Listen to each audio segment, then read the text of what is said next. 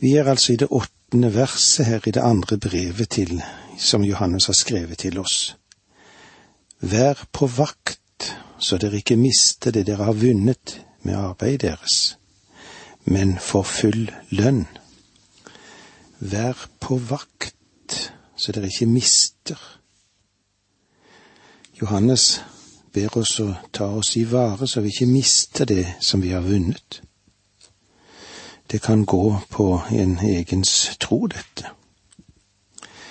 Trer sannheten ut av det som har med Sønnen å gjøre, så vil de miste samfunnet med Sønnen. Da vil de miste samfunnet med Jesus, og det gjelder oss alle sammen, det. Heller ikke at de vil full lønn. Uttrykket har ikke noe som er kanskje fortjenestefullt i seg, men det sier noe om utbytte av alt det som har med det åndelige i arbeid å gjøre i menigheten. Det kan bli spolert. Den som ikke holder seg til Kristi lære, men går ut over den, har ikke samfunn med Gud. Den som holder seg til læren, han har samfunn med Faderen og Sønnen, står det i det niende verset. Leser vi dette verset i Norsk Bibel, så er det litt annerledes der. Vær den som slår inn på avveier og ikke blir i Kristi lære, har ikke Gud. Den som blir i læren, han har både Faderen og Sønnen. Kanskje det som kommer frem som uttrykk her, er at det har vært en del vranglærere som har hevdet at den læren som de har, eller den forkynnelse som de presenterte, den var den virkelige teologi, den avanserte teologi, når det gjaldt synet på kristologien. Men for apostelen er dette så langt fra noen fremskrittsteologi, tvert om. Den som forfekter slike synspunkter, har brutt forbindelsen med Gud. Han har ikke Gud. Det det gjelder om, sier Johannes, er derimot å bli værende, altså holde fast på læren. Den som holder seg til læren, han har samfunn med Faderen og med Sønn. Og om du blir i Kristus, i det Kristus har lært, så har du Faderen og du har Sønnen og du har adgangen til Faderen ved Sønnen. Vi har adgang til Gud gjennom Kristus, gjennom Hans vidunderlige og uendelige nåde, om vi blir i Kristi lære. Ordet bli betyr åk forbli, altså det er en permanent ordning. Det er i første rekke ikke snakk om at han skal snu kappen etter vind, eller etter de nye, moderne strømninger, verken i teologi eller sosiologi, eller i de øvrige samfunnsvitenskaper, men å bli i det som forblir. Vers ti. Om noen kommer til dere og ikke fører denne lære, så ta ikke imot ham i deres hjem, og hils ham ikke vel møtt. Kan du tenke deg noe sterkere utsagn enn dette? Jeg kan ikke. Og nå får vi minnes bakgrunnen for dette brevet igjen. Johannes, han skriver til den utvalgte frue, som kan ha vært en fremstående kvinne i menigheten, kjent for sin gjestfrihet. Det er åpenbart at hun er en kvinne som har et bra utkomme, så hun kan beverte sine gjester storslagent. Hun er svært så sjenerøs. Det virker sannsynlig at noen av disse gnostikerne også kom på besøk, og hun tok imot også disse. Men så kom hun i tanker om dette og skrev til Johannes. Hva burde hun gjøre i en slik situasjon som dette? Skulle hun ta imot dem? Burde hun kjenne det vemmelig hvis hun stengte døren for dem? Hvordan burde hennes holdninger være til en som avvek fra det som var vesentlig, de viktige punktene. Hvordan skulle hun være eller holde seg, eller hvilke holdninger skulle hun ha mot en kjetter? Mot en som fornektet Kristi guddom, men lot som om han fulgte Kristus? Skulle hun ta imot ham i sitt hjem? Vi må òg huske på at det var få hospitser og moteller, om det fantes noe sånt i det hele tatt da. De små vertshusene var kanskje ikke så veldig hyggelige å ta inn på. Et vertshus var det ikke et sted hvor du fikk en god seng, kanskje. Du måtte ha sengen med deg. Alt det du fikk var mot en bra godtgjørelse, da, en liten flekk på gulvet der de kunne rulle ut en matte eller en kappe og legge seg til å sove. Og eh, det var ikke alltid lett heller når det lå mange på samme gulv og noen snorket, noen snakket i søvne, andre pratet kanskje i fylla, alt dette foregikk rundt deg. Det var en situasjon for de reisende på den tiden så de troendes hjem var alltid åpen for reisende evangelister og for bibellærere i den første kristne menighet. Når så disse mennene kom til en by, var det alltid et hjem som tok imot dem. Du husker hvordan Paulus oppholdt seg i hjemmet til Akvilas og Priska da han kom til Korint. Det var slik det var i den første kristne menighet og det har vel delvis vært praktisert opp igjennom til våre dager, dette. Jeg er takknemlig for at jeg har fått bo i mange kristne hjem opp igjennom tidene i alle deler av landet vårt. Mange gode minner. Og eh, det finnes mange slike fantastiske hjem, kristne hjem rundt om i vårt land. Kristne som vil ta imot, selv om de kanskje ikke er opplagt til det eller kanskje de ikke har råd til det. Kanskje de slitne på så mange områder, likevel har hjerterom for en av Herrens tjenere vært stor når han kom på besøk. Men denne kvinnen som Johannes skriver til, er en gjestfri kvinne, og hun stiller spørsmål om hvorvidt hun bør gi husrom for falske lærere. Johannes spikrer saken fast her om det kommer noen til deg som ikke fører denne lære, da ta ikke imot ham i ditt hus og hils ham ikke velkommen. Det er ikke enkelt, dette. Men hvis det nå allikevel dukker opp en forkynner, da, hva så? Skal de vise ham døren? Er ikke det ganske ukjærlig, det, da? Eller skal de for sannhetens skyld nekte å ta imot ham?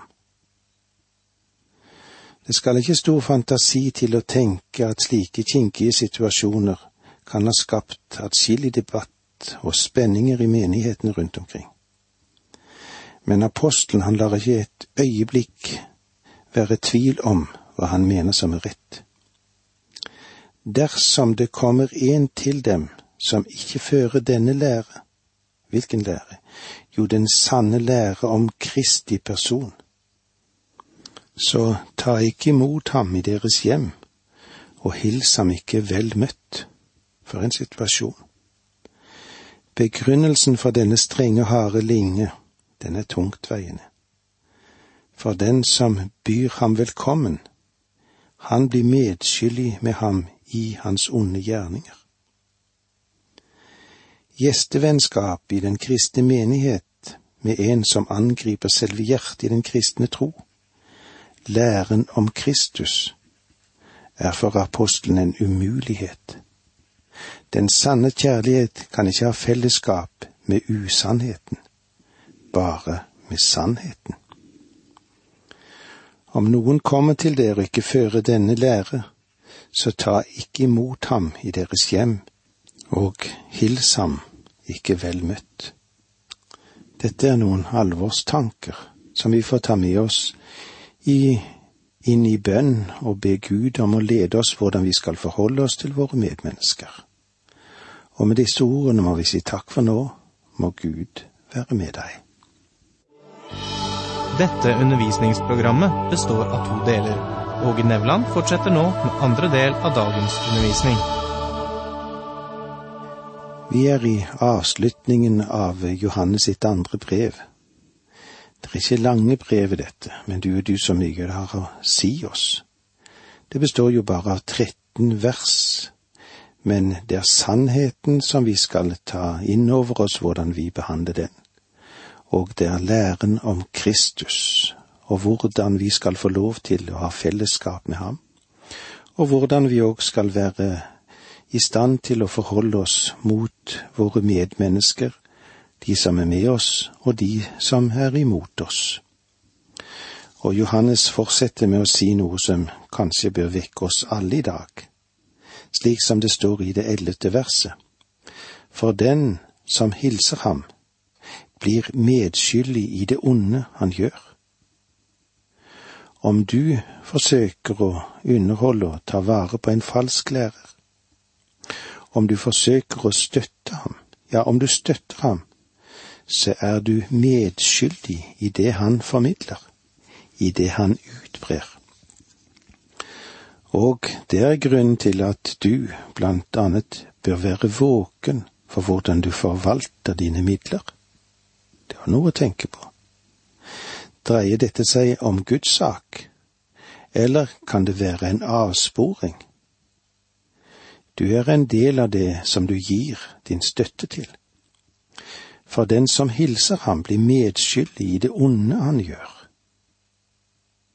Den Herre Jesus ga oss en lignelse i denne sammenheng som vi er innom nå, der han fortalte om en mann som arbeidet for en annen, men var i ferd med å bli satt på porten, slik som det står i Lukas 16, 1-13. Lignelsen om den uærlige forvalteren, du husker den? Denne mannen kalte nå inn alle sine herres kreditorer og så tilbød han den et avslag om de ville betale sine regninger. Noe de selvfølgelig var glade for å akseptere. Dette gjorde han fordi han da hadde en mulighet til å appellere til deres hjelp og barmhjertighet, etter han var blitt oppsagt av sin herre. Det var en tvilsom taktikk, og eh, Vår Herre sa at det ikke var rett han gjorde det klart at dette var galt han sa. Denne verdens barn er flinkere til å ordne seg med hverandre enn lysets barn. De er dyktige i forretningsverden. Det er eh, mange i dag som forsøker å skaffe seg en hurtig gevinst. Hvordan er det med oss? Derfor om dette verdens menneske er vis i måten å investere sine penger på, og måten han bruker dem på. Hvordan er det da med deg, du som kaller deg en kristen? Er du klok i din forvaltning? Undersøker du om det du gir, når frem? Om du har del i det som fornekter den Herre Jesu Kristi guddom? og alt det han står for, og alt det han gjorde for oss, ja, så støtter du noe som Gud vil holde deg ansvarlig for. Han sa at verdens barn er visere enn vi. Vi bør òg være litt kloke, være kløktige. Kløktige på det vis at vi ikke lar oss fange inn av det som ikke tjener Guds sak. Hva investerer du i? Hva fremmer du? Og så kommer vi til en personlig hilsen som Johannes kommer med, slik som det står i de to siste versene. Jeg har ennå mye å si dere, men vil ikke gjøre det i brev, for jeg håper å komme selv og få en samtale med dere, så vår glede kan være fullkommen din utvalgte søsters barn hilser deg. Johannes har altså mye mer på hjertet, men han vil ikke gjøre det med papir og blekk. Papir, kanskje vi kan si det er òg slik, et kart eller eh, små papyrusblader. Såpass store at det var plass til et brev på dette. Blekk, egentlig noe svart, ofte en blanding av sot og vann og gummi. Selv om Johannes nå er gammel, så håper han allikevel på å komme på besøk til dem, og han ønsker å få snakke med dem.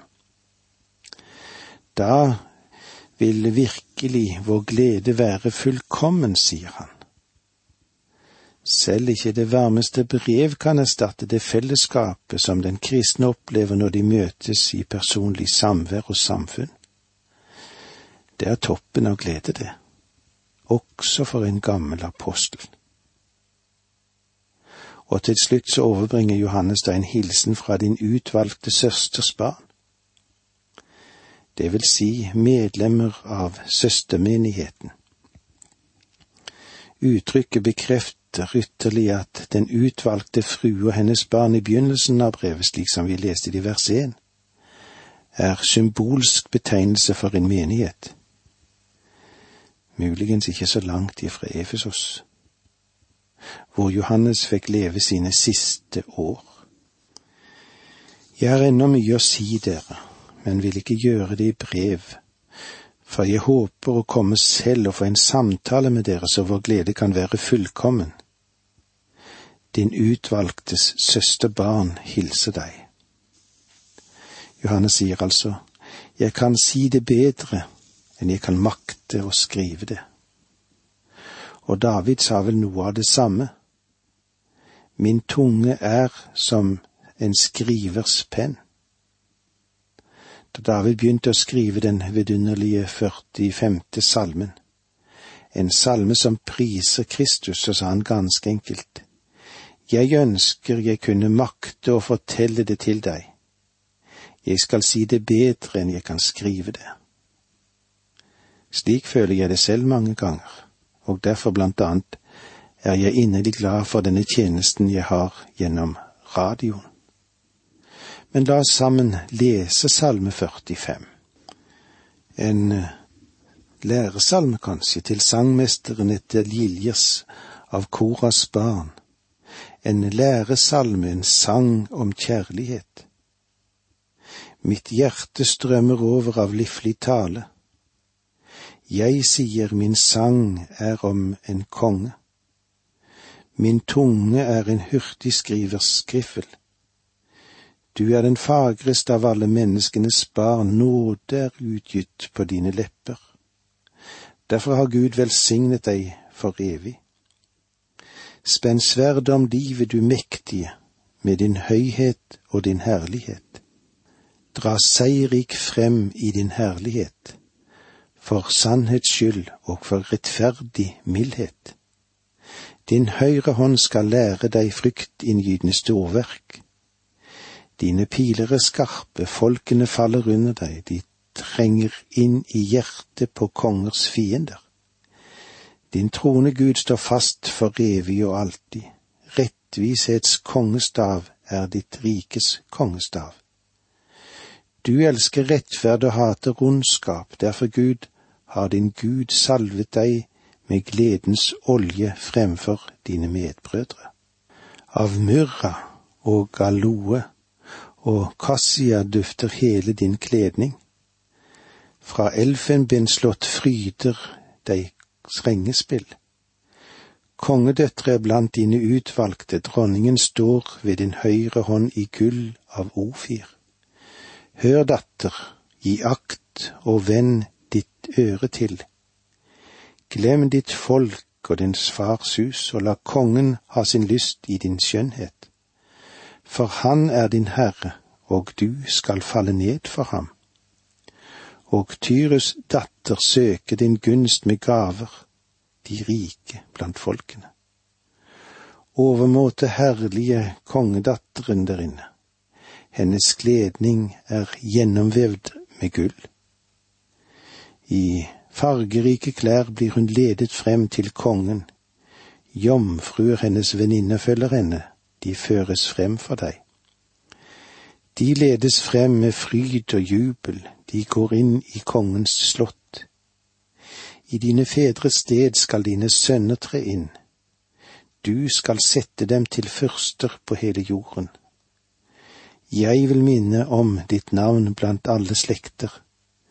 Derfor skal folkene prise deg evig og alltid. Og så avslutter Johannes med dette, din utvalgte søsters barn hilser deg. Det virker som om dette enten var barna til en søster av den utvalgte frue, eller så var det en søsters menighet som sender sine hilsener til denne frue eller den lokale menighet.